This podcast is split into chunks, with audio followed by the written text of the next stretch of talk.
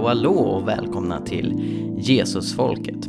Förra veckan så fick ni höra påbörjan av ett samtal som jag hade med jesuitprästen Ulf Jonsson. Eh, det bestod egentligen av att vi höll varsin inledande eh, föreläsning kan man säga eh, om mirakler. Jag pratade då utifrån min bok Dokumenterade mirakler och Ulf pratade utifrån sin bok Tankar om tron. Eh, och i och med att min bok syftar till att övertyga skeptiker och tvivlande om att mirakler faktiskt finns medan Ulf är mer eh, inställd på att hitta en systematisk teologi som placerar mirakler i ett pussel av, av alla andra tankar man kan ha om Gud så, så kommer vi till lite olika slutsatser, tänker lite olika om det här med mirakler. En av dem som lyssnade på samtalet var Karl Otto Werkelid som delar sina tankar om det i Tankar för dagen i P1. Här är ett litet utdrag från det. Att människor kan hålla sams, hålla ihop, förbli trofasta varann. Det liknas ibland, relaterat till omständigheter, vid mirakel. Undrens tid är inte förbi, brukade min mor utbrista apropå sådana exempel. Dagen efter programmet om hjärnan gick jag på ett föredrag om mirakler. En av föredragshållarna talade om övernaturliga, oförklagliga tillfrisknanden. Den andra tog det hela mer filosofiskt. Egentligen är det väl tillvaron som sådan som är ett mirakel. Båda infallsvinklarna intresserar mig, mest den filosofiska. Tack Karl Otto för det. Jag får eh, ödmjukt eh, erkänna mig besegrad av eh, Ulfs filosofi. Även om jag skulle vilja hävda att jag inte bara liksom har vittnesbörd på min sida utan försöker utarbeta ett filosofiskt argument för miraklers existens också. Eh, så nu när ni har hört vad Carl Otto tycker så ska ni själva få höra på hur det här samtalet utvecklade sig utifrån frågor från moderatorn och även publiken. Och det blev ett väldigt spännande samtal tycker jag själv, så här kommer det.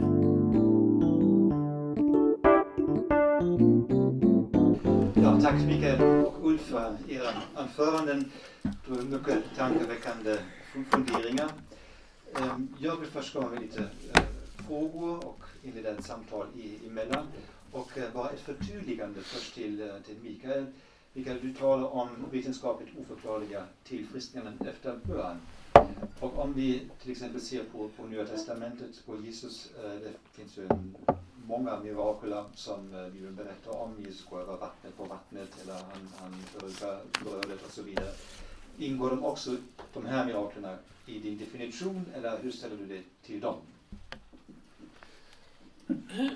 Mycket bra fråga. Det är inte så att Voteb är min definition på mirakler. Utan min definition på mirakler längst upp övernaturliga fenomen.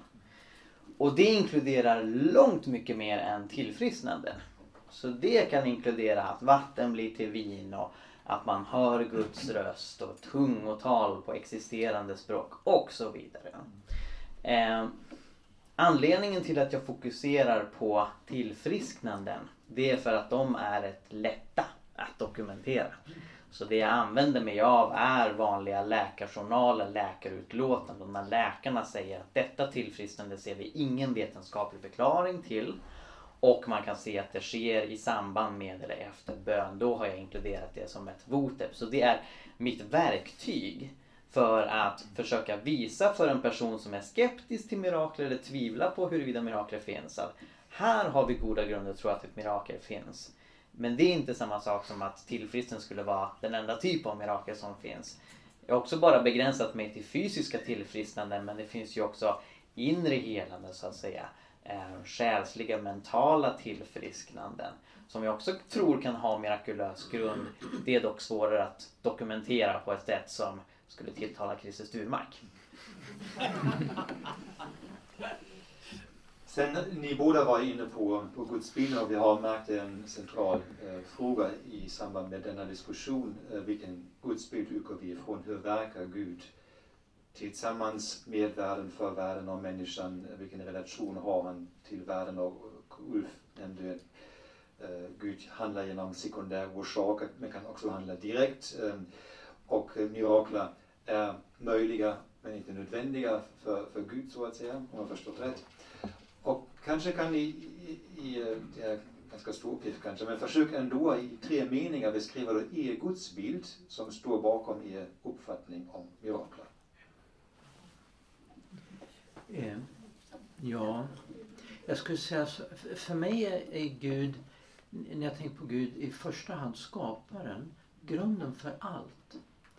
Och det man har framför sig så att säga hela tiden, nämligen effekten av hans handlande världen. Det blir man avtrubbad av. Och så glömmer man vem som står bakom. Och så finns det särskilda händelser som påminner oss om det. De är liksom, skiljer sig eh, från det övriga. Och så det, det är en slags påminnelser. Ja, Gud är Fader, Son och helig Ande. Skaparen. Grunden till allt som existerar. Jag sympatiserar med mycket av det du beskriver Ulf om hur Gud ständigt livnär sin skapelse. Så på ett sätt så är det ju en gråzon redan mellan natur och övernatur. Eh, Gud är också sonen som blir kropp, blir människa.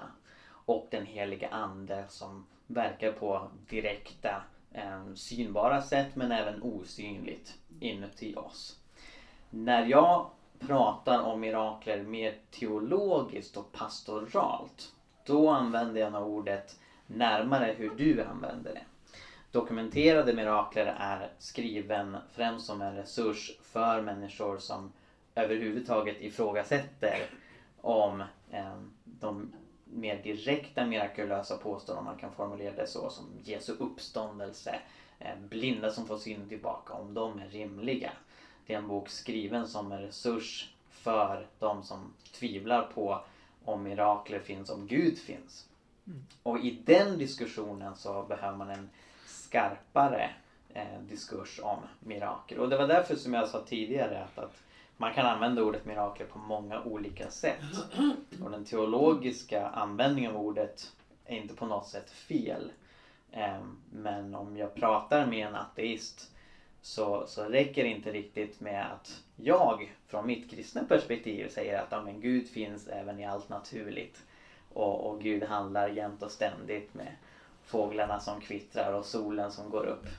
Det tror ju inte ateisten. Och ateisten är främst intresserad av men det där med att du säger att Jesus var död, var ett lik och sen kom tillbaka till livet. Hur är det rimligt? Det bryter ju mot naturlagar. Och i den diskussionen så, så pratar jag om mirakel som är direkta övernaturliga ingripanden. Boom! där hade vi ett. ja, naturlig förklaring det där. Vi, vi kanske eh, kan, kan ta upp den här, den här tråden eftersom den är ändå eh, viktig och en invändning som många eh, kommer med, alltså naturlagar och deras relation till eh, miraklen. Eh, vi har ju förstått naturlagar i snäv bemärkelse finns inte. Alltså, alla, alltså som någonting som alltid utspelar sig på exakt samma sätt finns inte för en för naturvetare. Men ändå finns det någon regelbundenhet i naturliga processer som också är nödvändig för oss för att utgå ifrån en viss pålitlighet. Alltså tyngdkraften fungerar här på jorden i alla fall. Allting faller ner till, till marken och vi behöver ju denna pålitlighet för att orientera oss och leva. Och kanske den också är en Guds gåva, att inte alltid är nytt. Allting är nytt varje ögonblick så att säga, fast det är det. Men inte i, i vår iakttagelse. Och det finns alltså en regelbundenhet. Ehm, och mirakler, de upplevs ju ändå som avbrott eller, eller brott mot denna regelbundenheten. Om vi tänker om, till exempel på Jesu tillblivelse och vi, vi talar om född av jungfru Maria. Jungfrufödelsen är ju enligt kristen tro också en, ett mirakel. Eller Mikael nämnde Jesu uppståndelse. Det finns alltså ett stort mirakel i början. Att Gud överhuvudtaget blir människa och hur han blir människa. Och sen i slutet också. Och eh, några säger, men om ni inte tror på eh, jungfrufödseln, då kan man inte heller tro på uppståndelsen. Om miraklet är omöjligt i början är det också omöjligt i slutet. Om man utesluter från början det. Och därför vill jag ändå fördjupa diskussionen lite grann vad gäller naturlagar och eh, mirakler. Um, Ulf, kan du ta upp det en gång till så att säga det här som, som var lite snabbt förklarat. Vi hade inte så mycket tid och ni båda kanske kan Ehm, förklara hur ni ser på regelbundenhet, naturlig regelbundenhet eller lagbundenhet och det som vi kallar mirakel och då framförallt med hänsyn till jungfrufödseln och uppståndelsen. Ulf, vill du kanske börja? Um, ja, jag minns en, ehm, jag var på en reträtt en gång, jag ledde nog den där reträtten och så kom det fram en frikyrklig person som deltog där och eh, på något sätt pratade vi lite om, jag eh, kommer till en katolsk präst och gör en, en reträtt och så. Och då sa den här personen, ja men ni tror ju på Jesus i båda ändarna. Och menar på jungfrufödelsen och uppståndelsen. Alltså. och det är liksom kriteriet. Då, då vet man ju, det är ju kristet det här katolska Ni tror på Jesus i båda ändarna. Född av jungfru Maria och uppstånden på tredje dagen som de döda. Och det gör vi ju. Eh, och eh, jag har här, jag har i de här avseendena en, en mycket alltså, traditionell uppfattning. Jag tror vi är verkligen så att Jesus inte hade någon jordisk eh, biologisk pappa. Eh, och att eh, uppståndelsen den är inte bara att eh, Jesu budskap går vidare eller liksom de samlade ihop sig på något vis och, och eh, intalade sig lite att det lönar sig ändå på något sätt. Utan det är verkligen att de har mött eh, den uppståndne. Eh, jag, jag har det. Sen eh, hur det där går till, det är, eh, jag har inte några bra förklaringar. Ehm, det liksom, får man arbeta med på, på eget bevåg. Men i och för sig tänker jag mig att ehm, eh, om Gud kan skapa allting ur ingenting så är Guds möjligheter att handla ju eh, så oändligt stora att eh, eh det kanske trots allt inte är så, så märkvärdigt. Eh, men det här med lagar och så, jag tycker det är jätteintressant därför att eh, det är så, vi har, det är alldeles uppenbart att det finns en massa regelbundenheter i naturen. Och som sagt, det är väldigt bra att det gör det. Annars skulle vi till exempel inte kunna använda vår frihet på ett moraliskt meningsfullt sätt. Vi skulle inte veta hur saker och ting skulle reagera om vi, vi gör på ett visst sätt och vi får vilken respons som helst och så vidare. En regelbunden struktur i tillvaron gör också att vi kan agera på ett meningsfullt sätt och så vidare. Så det, det, och det är alldeles uppenbart att det finns regelbundenheter. Och det, jag tror det är ingen som vill så att säga, ifrågasätta att det är så. Och att det har också för oss stora fördelar. Å andra sidan har vi frihetens möjlighet och problem. Eh, ni vet, i den när man hade en väldigt deterministisk syn på eh, världen som på 1700-talet hade man oändliga problem med den fria viljan. Och det har gått fram, jag menar Kant kunde inte lösa problemet. Och det har gått fram ända menar, långt in på 1900-talet. Eh, eh, en eh, mycket framstående logiker i, i Paris han, eh, jag tror han blev också nobelpristagare, han förklarade att vår tro på eh, att det inte finns en fri vilja är nödvändig för att vi ska kunna vara rationella. Det var den uppfattningen man hade i början på 1900-talet. Eh, men vi lever verkligen i en annan, med en annan världsbild. Eh, och tanken på eh, på eh, naturlagar som är helt deterministiska är en slags eh, det, är liksom en, det är en variant av förstå regelbundenheten men absolut inte på något sätt att den har monopol. Det är tvärtom så. Alla som sysslar med, eh, med naturvetenskap vet att det är så man har en spridning av resultat. Det är inte så liksom eh, svart eller vitt utan en spridning av resultat. Och eh, många, många undersökningar, eh, man, tar, man tar statistiska samband. Och man räknar ju både inom biologin, evolutions... Det är därför vi inte kan förutsäga evolutionen. Därför vi, vi vet helt enkelt inte hur det blir. Vi, vi, vi, kan inte räkna ut hur evolutionen går. Därför det finns för mycket slumpfaktorer. Och även på, på väldigt låg nivå så det, finns det indeterministiska processer.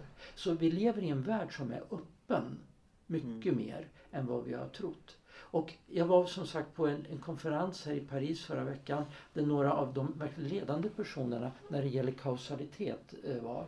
Och en av dem, han heter Steven Mumford. Jag kan verkligen rekommendera er, om det är någon som är intresserad av det här, att, eh, att läsa någon av hans böcker. Eh, han, han är en av dem som har reflekterat mest grundligt över vad kausalitet överhuvudtaget är. Vad menar vi med orsaker? Och han menar att det överhuvudtaget inte finns naturlagar. Och han, det är inte någonting som han säger bara sådär. Utan han menar att det finns inte. Vad som finns är att vi generaliserar utifrån regelbundenheter. Eh, men naturlagarna som tidigare upp, upplevts som, uppfattas som preskriptiva, som föreskriver hur naturen är, de menar han finns inte. Vi gör generaliseringar. Och det är inte så att de här regelbundenheterna är så där det, det, så att säga, det är därför att vi gör generaliseringar som det ser så enhetligt ut. Eh, så jag tar och skriver upp eh, hans böcker. De är, de är fantastiskt intressanta. Han, han menar att vi måste tänka på kausalitet på ett nytt sätt. Och det är ett nygammalt sätt. Det är faktiskt inspirerat av eh, av eh, Aristoteles i första hand, även av Thomas av Aquino. Faktiskt. Fast den, han är inte själv troende, Bamford, men han menar att Thomas av Aquino utifrån Aristoteles har en mycket mer rationell syn på vad kausalitet är. Eh, nämligen som, som man kallar för potentialiteter. Det är möjligheter som ligger nedbäddade i, i materien. Möjligheter och tendenser som kan utvecklas. Givet vissa eh, omständigheter och så, så kan det bli så. Ett träd är disponerat för att utvecklas på ett visst sätt. Men det kan hända att det inte blir så av olika orsaker som kommer emellan så att säga. Och den världen lever i, vi i, inte en deterministisk värld. Mm. Jag håller med om det nyss sagda. Ehm, det finns en hel del semantiska problem med att överhuvudtaget om natur, tala om naturlagar och sen dessutom definiera mirakler som brott mot dessa. När man använder termen brott eller på engelska violation så beskriver man det nästan som att Gud vore kriminell om han gjorde ett mirakel. För då begår han ett brott mot lagen. Eh, och det i sin tur bygger på vad jag menar en semantisk missuppfattning utifrån detta begrepp lag. Eh, de som började tala om detta var eh, människor som, nu ska vi se om jag kan uttala honom rätt, Descartes. Descartes. Descartes. Han har ett S där i mitten, ja, ja, men det ska han inte uttala. Descartes. Ja. Descartes och eh, Newton började tala om naturlagar eh, utifrån eh, regelbundenheter de kunde se i naturen och Newton kunde beskriva detta med ekvationer vilket många var helt överväldigande av. Eh, som jag förstår det när de använder termen lag så är det mer för att beskriva eh, någon överhängande princip som gör att man kan se att mycket beter sig likadant. Så om man tänker att en eh, helt eh, utomstående person som aldrig varit i Sverige tidigare och kanske inte vet så mycket om världen kommer hit och ser att i princip alla bilar kör på höger sida av vägen. Så kan den personen fråga sig varför gör alla det? Och då är svaret det finns en lag som säger det är så man ska göra. Och om man sätter igång och kör emot då får man böter. Eh, så det är en lag som liksom illustrerar varför många beter sig på samma sätt. Och när Newton och Descartes eh, beskriver naturlagar så ser jag det som att de tar det från bilisternas perspektiv. Att här finns det många olika faktorer som beter sig på liknande sätt. Här kan man säga att det finns en lag. Men det folk sen som Hume och Voltaire och Spinoza och vår egen Ingmar Hedenius gjorde var att de tog begreppet lag och uppfattade detta som något som är skrivet i sten som alla måste lyda. Och den kristne filosofen Albin Plantinga har beskrivit det som att många har fått uppfattningen att naturlagar är som Mediens och Persiens orubbliga lag som vi läser om i Daniels bok. Som är så pass orubblig att inte ens kungen som formulerade lagen sen kan upphäva eller bryta mot den.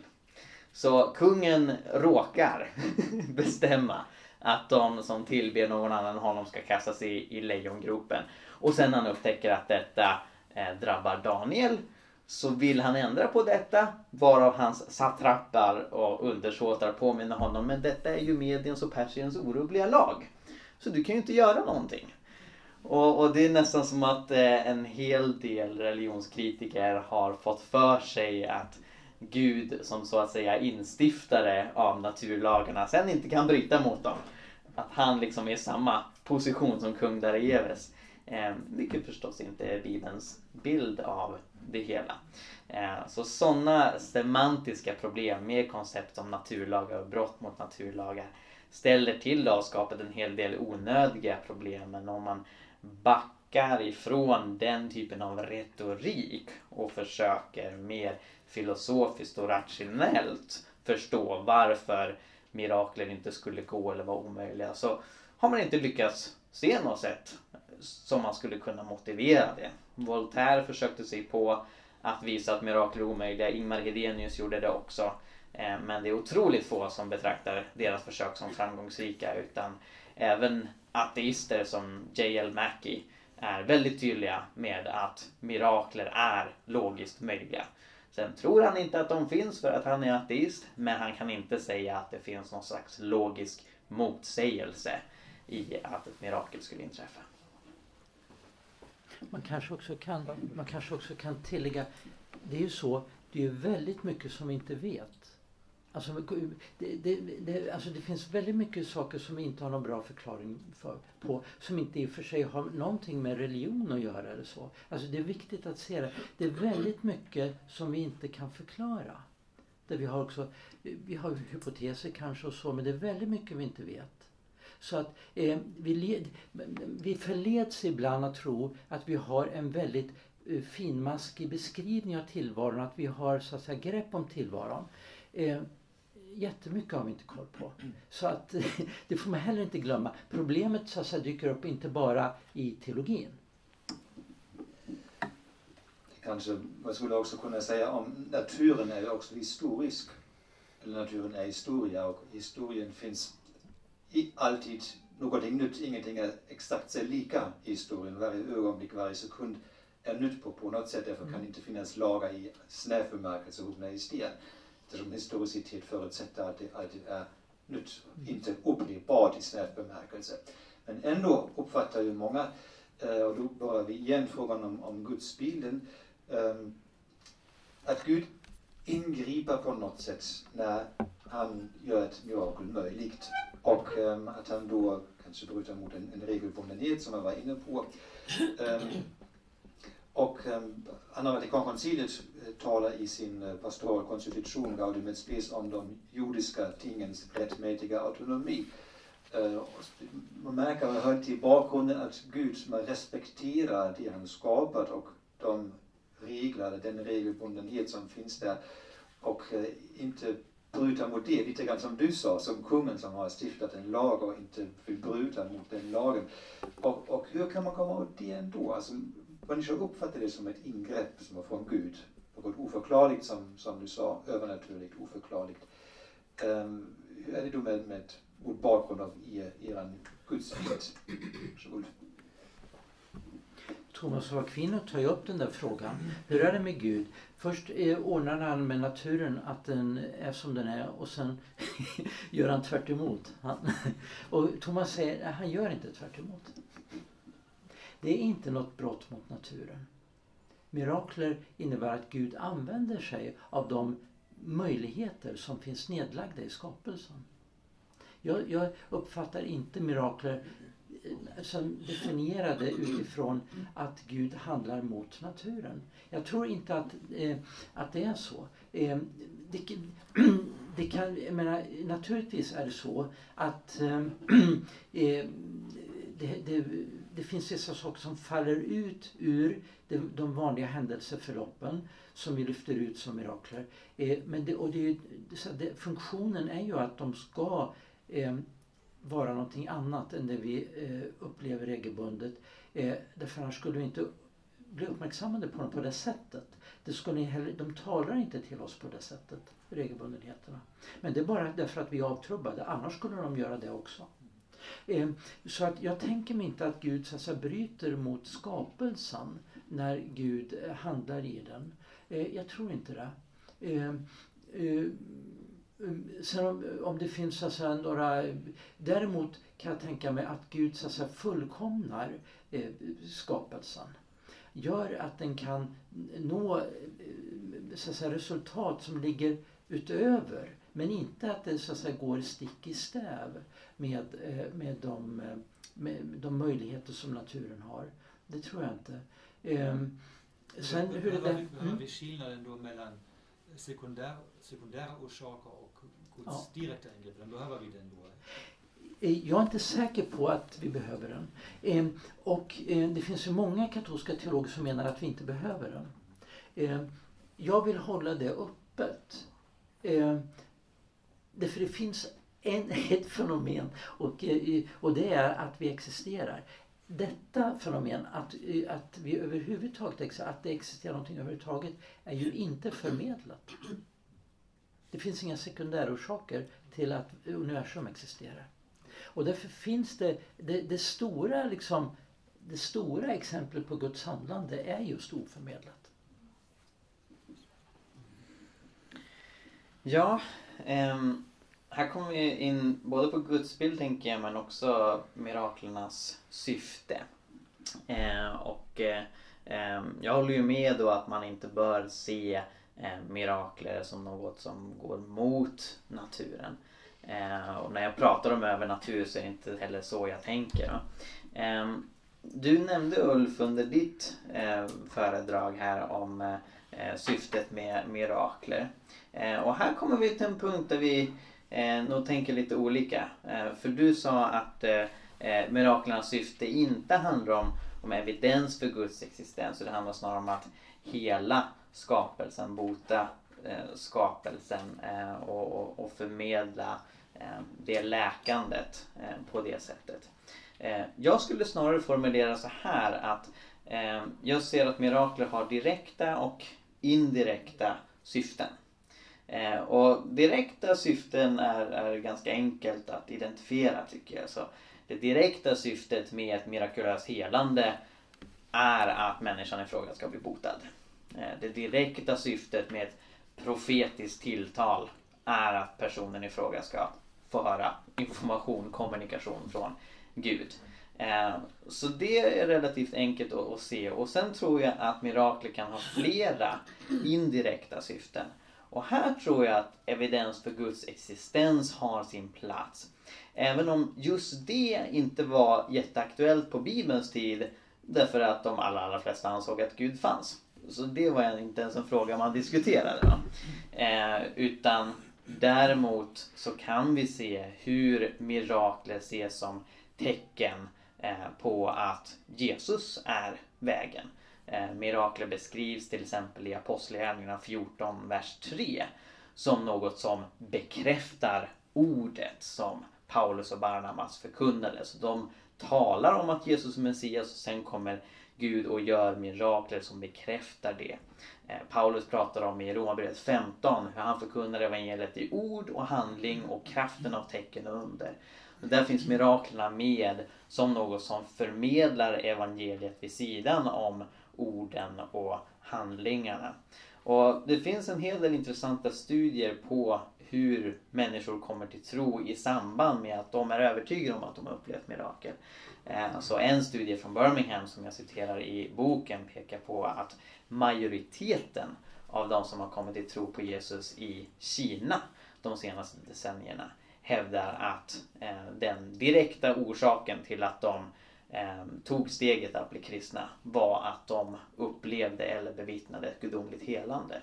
Eh, och det skulle jag säga är en indirekt eh, sak som, som miraklerna för med sig. Jag tror att ett annat indirekt syfte med mirakler, och det tycker jag själv personligen är väldigt spännande, är att det kan utbreda social rättvisa, fred, eh, typer av socialt engagemang. Eh, så till exempel när den blinde tiggaren Bartimeus i Markus 10 blir helad så är den direkta konsekvensen av det att han kan se. Den indirekta är att han inte längre behöver tigga. Eh, så utifrån det så skulle jag säga att, att miraklers syfte kan en del gånger vara eh, evidens för kristendomen. Det är inte alltid det och det är vissa människor som upplever mirakler som sen inte kommer till tro. Soldaterna som vaktade graven till exempel bevittnade uppståndelsen live och sen går de iväg och, och ljuger ihop en historia om det. Eh, så det är inte så att mirakler nödvändigtvis leder till att människor kommer till tro. Men jag tror att det kan ha det indirekta syftet. Vad tänker du om det? Jag tror att eh, sådana saker alltså, kan ha väldigt olika frukt så att säga. Jag tror verkligen att det är så att eh, mirakel kan väcka tro men samtidigt är det ju så att i viss bemärkelse kräver mirakel tro. Alltså en slags öppenhet i alla fall. Eh, en slags beredskap eller öppenhet. Därför att ehm, eh, ni vet eh, det finns någon, någon sån där eh, rolig teckning om att eh, det är någon man som står vid havet och plötsligt blir havet gult.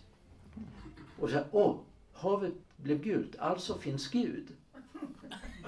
Alltså det hände någonting otroligt konstigt och då måste Gud finnas. Det, det är på ett sätt en konstig slutsats. Eh, jag, jag, så att det är inte bara att det händer någonting konstigt, ovanligt, eh, eh, oväntat. Utan det måste så att säga läsas, alltså förstås, tas emot i en kontext. Och det är någon slags, åtminstone beredskap till att eh, eh um, detta kan vara Gud som handlar eller så. Eh, utan den beredskapen så, går det, så, så, så öppnas ingenting. Så att det, jag tror det är, ett, man får, det är inte något mekaniskt det under. Så att säga. Det, det, utan det är någonting, det, till sist är det någonting som ligger på, mellan person till person. Så det måste finnas den här beredskapen liksom. Och utan det så får du ingen frukt.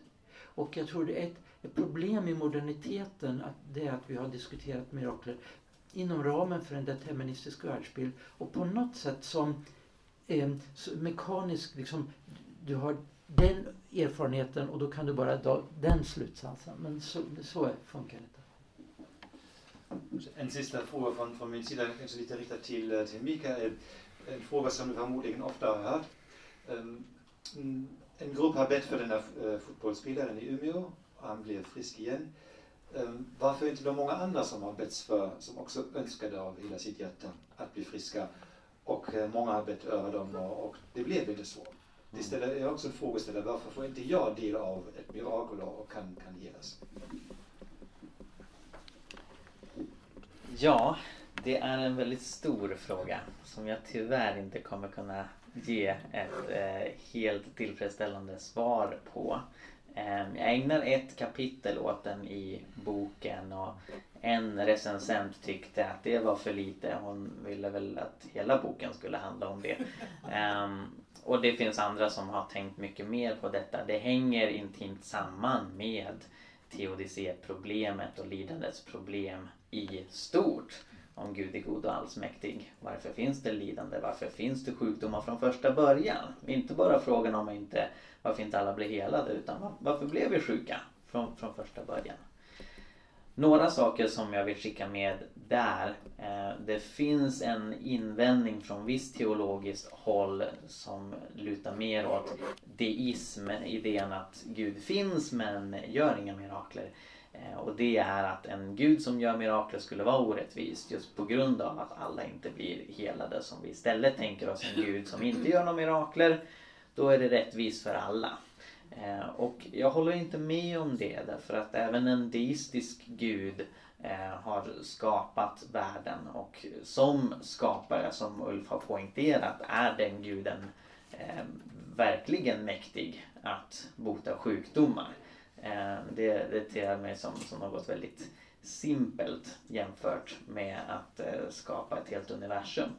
Ehm, så även en deistisk gud kan göra mirakler men skulle i så fall avstå från alla och en sån gud skulle vara betydligt mer passiv än vad jag tycker att den kristna berättelsen eh, beskriver Gud som. En Gud som faktiskt griper in till den grad att han själv blir människa eh, och förmedlar världens helande kroppsligen och, och på sig lidandet på sig själv.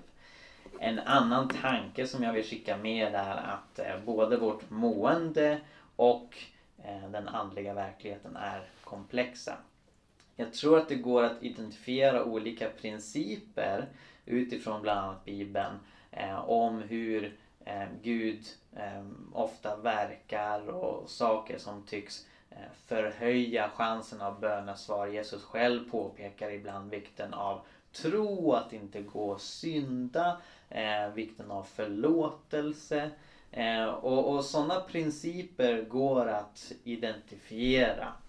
Det är väldigt svårt att sen koka ner det till en individnivå. Och vissa kristna traditioner har gjort det misstaget. Att man säger jaha, du blev inte helad. Ja men det var för att du hade för lite tro. Då får du pumpa upp trosmusklerna i, i, i det andliga gymmet. Komma tillbaka sen. Eh, och det är på tok för simplistiskt. Även om vi läser om att tro har en roll att spela så ibland så nämner Jesus inte det alls. Som till exempel den blindfödde mannen i Johannes 9. När lärjungarna frågar vem var det som syndade? Var det hans föräldrar eller var det han? Då säger Jesus i princip nej. Utan det här handlar om att Guds kraft ska manifesteras. Eh, så det är svårt att ehm, på individuell nivå kunna säga vad det är som ligger bakom. Och det som alltid är viktigt att betona det är just det att eh, alla dessa eh, vackra helanden är en försmak på något mycket, mycket större eh, som Bibeln utlovar. Eh, nämligen uppståndelse till ett evigt liv utan sjukdom och utan död. Utan något lidande. Eh, och där så kommer livets träd, står i Uppenbarelseboken, står mitt i det nya Jerusalem. Vars frukt ger evigt liv, vars blad ger läkedom. Det är det fullständiga helandet som alla andra helanden är försmaker av. Och som alla som vänder sig till Jesus kommer ta del av. Eh, så det är också viktigt att skicka med.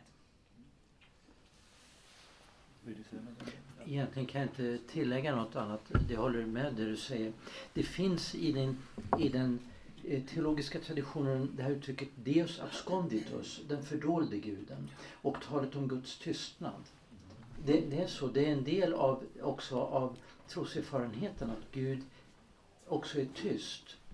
Det är så. Det är en egen erfarenhet. Och dessutom är det så eh, Alltså det, det, är så komplext därför att det, det är inte säkert att eh, ett lidande så att säga är det allra värsta.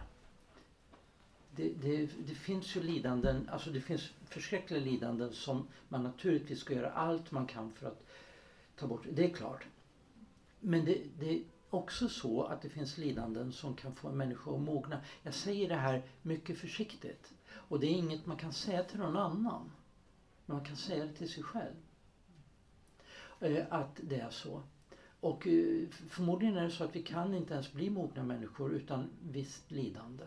Men det kan man säga bara till sig själv.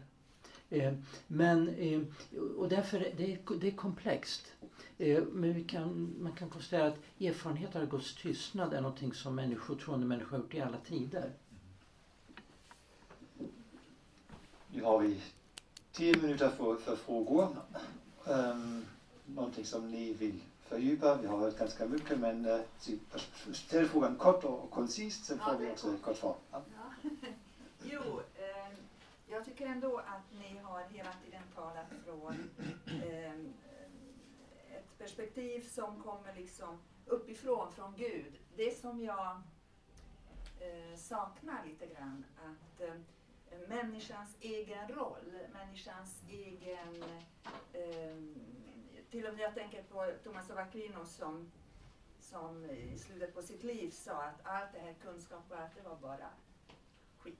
Alltså handlar det om människans roll i ett mirakel till exempel? Eller ja, det som men det är samma sak. Därför att det handlar om... Det, är din fråga? Din fråga? Ja, det är mystiken. Jag, jag tänker på det här att när, um, eller Padre Pio de här. Jag menar den här um, mer eller mindre raka vägen det, och bönens kraft. Um, att att be så ska ni få och knacka, banka så, så ska, ska ni få också. Den aspekten tycker jag har blivit lite för lite av. Alltså det som, som människan ska komma med för att mirakel ska kunna hända. Alltså ja, precis. Be, okay. Människans aktivitet. Vad är då människans del i det hela? Men jag tror att det är så att Det gäller om man, om man tar om mirakler eller överhuvudtaget med Guds handlande. Människan, Guds handlande kommer på något sätt att bära frukt i livet bara om människan på något sätt är själv beredd att medverka, att öppna sig, att ta emot. Och det tror jag gäller oavsett om det nu är så att säga, mirakler eller vanlig bön och skriftläsning och så. Alltså det, jag tror det, det gäller alltid. Man kan få de mest, liksom, de mest anmärkningsvärda mirakler och då har ingen frukt alls. Så att det, det förutsätter mitt egen, min egen liksom, deltagande, att jag blir inbjuden och öppnar mig. När jag nu har fått tillfället att titta närmare på många tillfrisknanden som sker i samband med bön så är någonting som jag har slagit mig dels den väldigt stora mångfalden i hur dessa tillfrisknanden går till. Eh, vissa väntar i många, många år, andra upplever helande väldigt snabbt. Ehm, det ser väldigt olika ut hur man ber, var man ber. Ehm, men något som återkommer gång på gång i dessa boteb ehm, det är uthålligheten.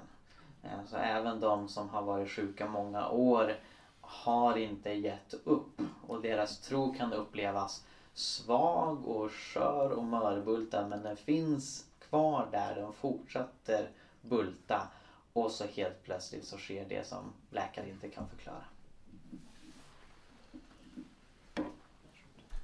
Eh, jag funderar lite, eh, om vi pratar om Voteb eh, så har du framförallt Mikael pratat om det ur en kristen tradition.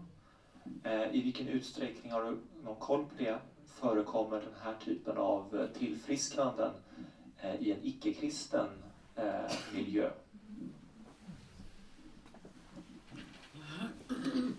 Mycket bra fråga. Jag har inte jättebra koll på just Voteb i icke-kristna miljöer. Eh, jag har inte lyckats hitta så bra resurser som att titta närmare på det och själv har jag inte så mycket ingångar utanför den kristna sfären. Eh, jag är väldigt noga med att poängtera att mitt mirakelargument, som jag då kallar för Voteb-argumentet för mirakler, är religionsneutralt. Eh, så man kan samla ihop Voteb från någon annanstans förutsatt att det är just Voteb och bygga samma form av argument. Och även om jag inte hittat exempel på tillfrisknande när läkare säger det här är vetenskapligt oförklarligt utanför kristendomen så finns det ju många anspråk på övernaturliga fenomen utanför den kristna sfären. Primärt inom animism, okultism och hinduism och mycket av detta kan i Sverige kategoriseras under new age. Ehm, och det är någonting som jag inte tycker är särskilt förvånande eller egentligen uppseendeväckande som kristen. Jag har ingen anledning att, att hävda att enbart kristendomen erfar övernaturliga fenomen utifrån att Jesus i evangelierna eh, talar om orena andar och driver ut orena andar. Så det är källor till övernaturlig aktivitet som inte är Gud. Och det är så som jag ser på dessa övernaturliga fenomen i animistiska och okulta eh, traditioner. Jag diskuterar lite i boken eh, hur man kan tänka kring urskiljning. För vissa skulle ju kanske hävda men det är ju bara för att du är kristen Mikael som du tror att det är Gud som gör mirakler inom din religion och så är det onda andar i de andra.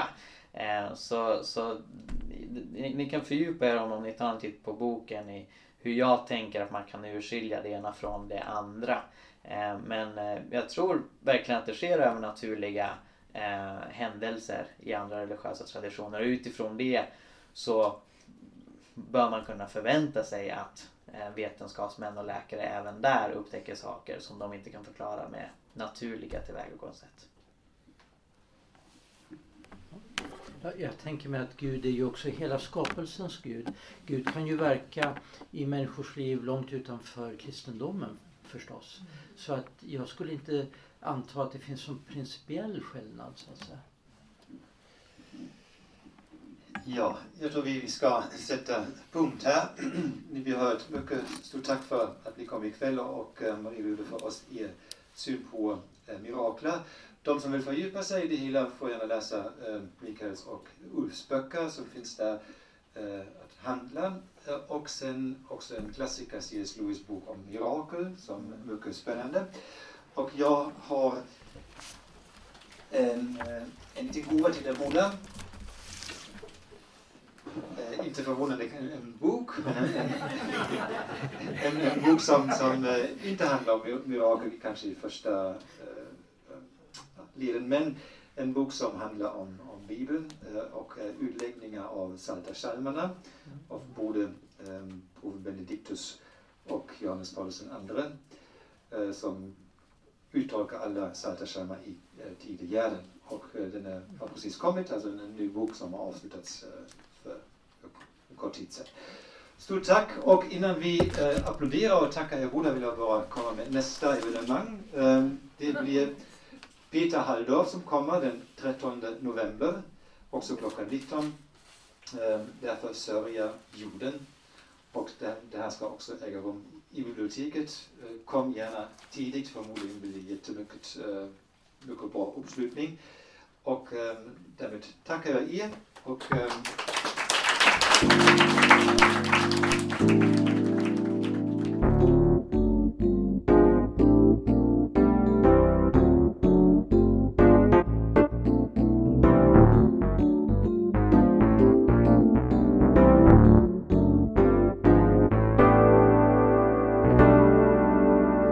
Tack för att du lyssnar på Jesusfolket. Om du vill höra mer så se till att prenumerera på iTunes eller valfri podcastapp. Glöm inte heller att lämna en recension. Det är en väldigt liten grej att göra som hjälper oss väldigt, väldigt mycket. Kolla in vår blogg Hela Pingsten. Där finns det mängder med artiklar, videor och annat material om Guds rike, lärjungaskap, fred, rättvisa, evangelisation, andens gåvor och mycket mer.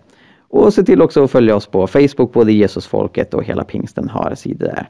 Gud välsigne dig och fortsätt att fördjupa dig i vad det innebär att vara en del av Jesusfolket.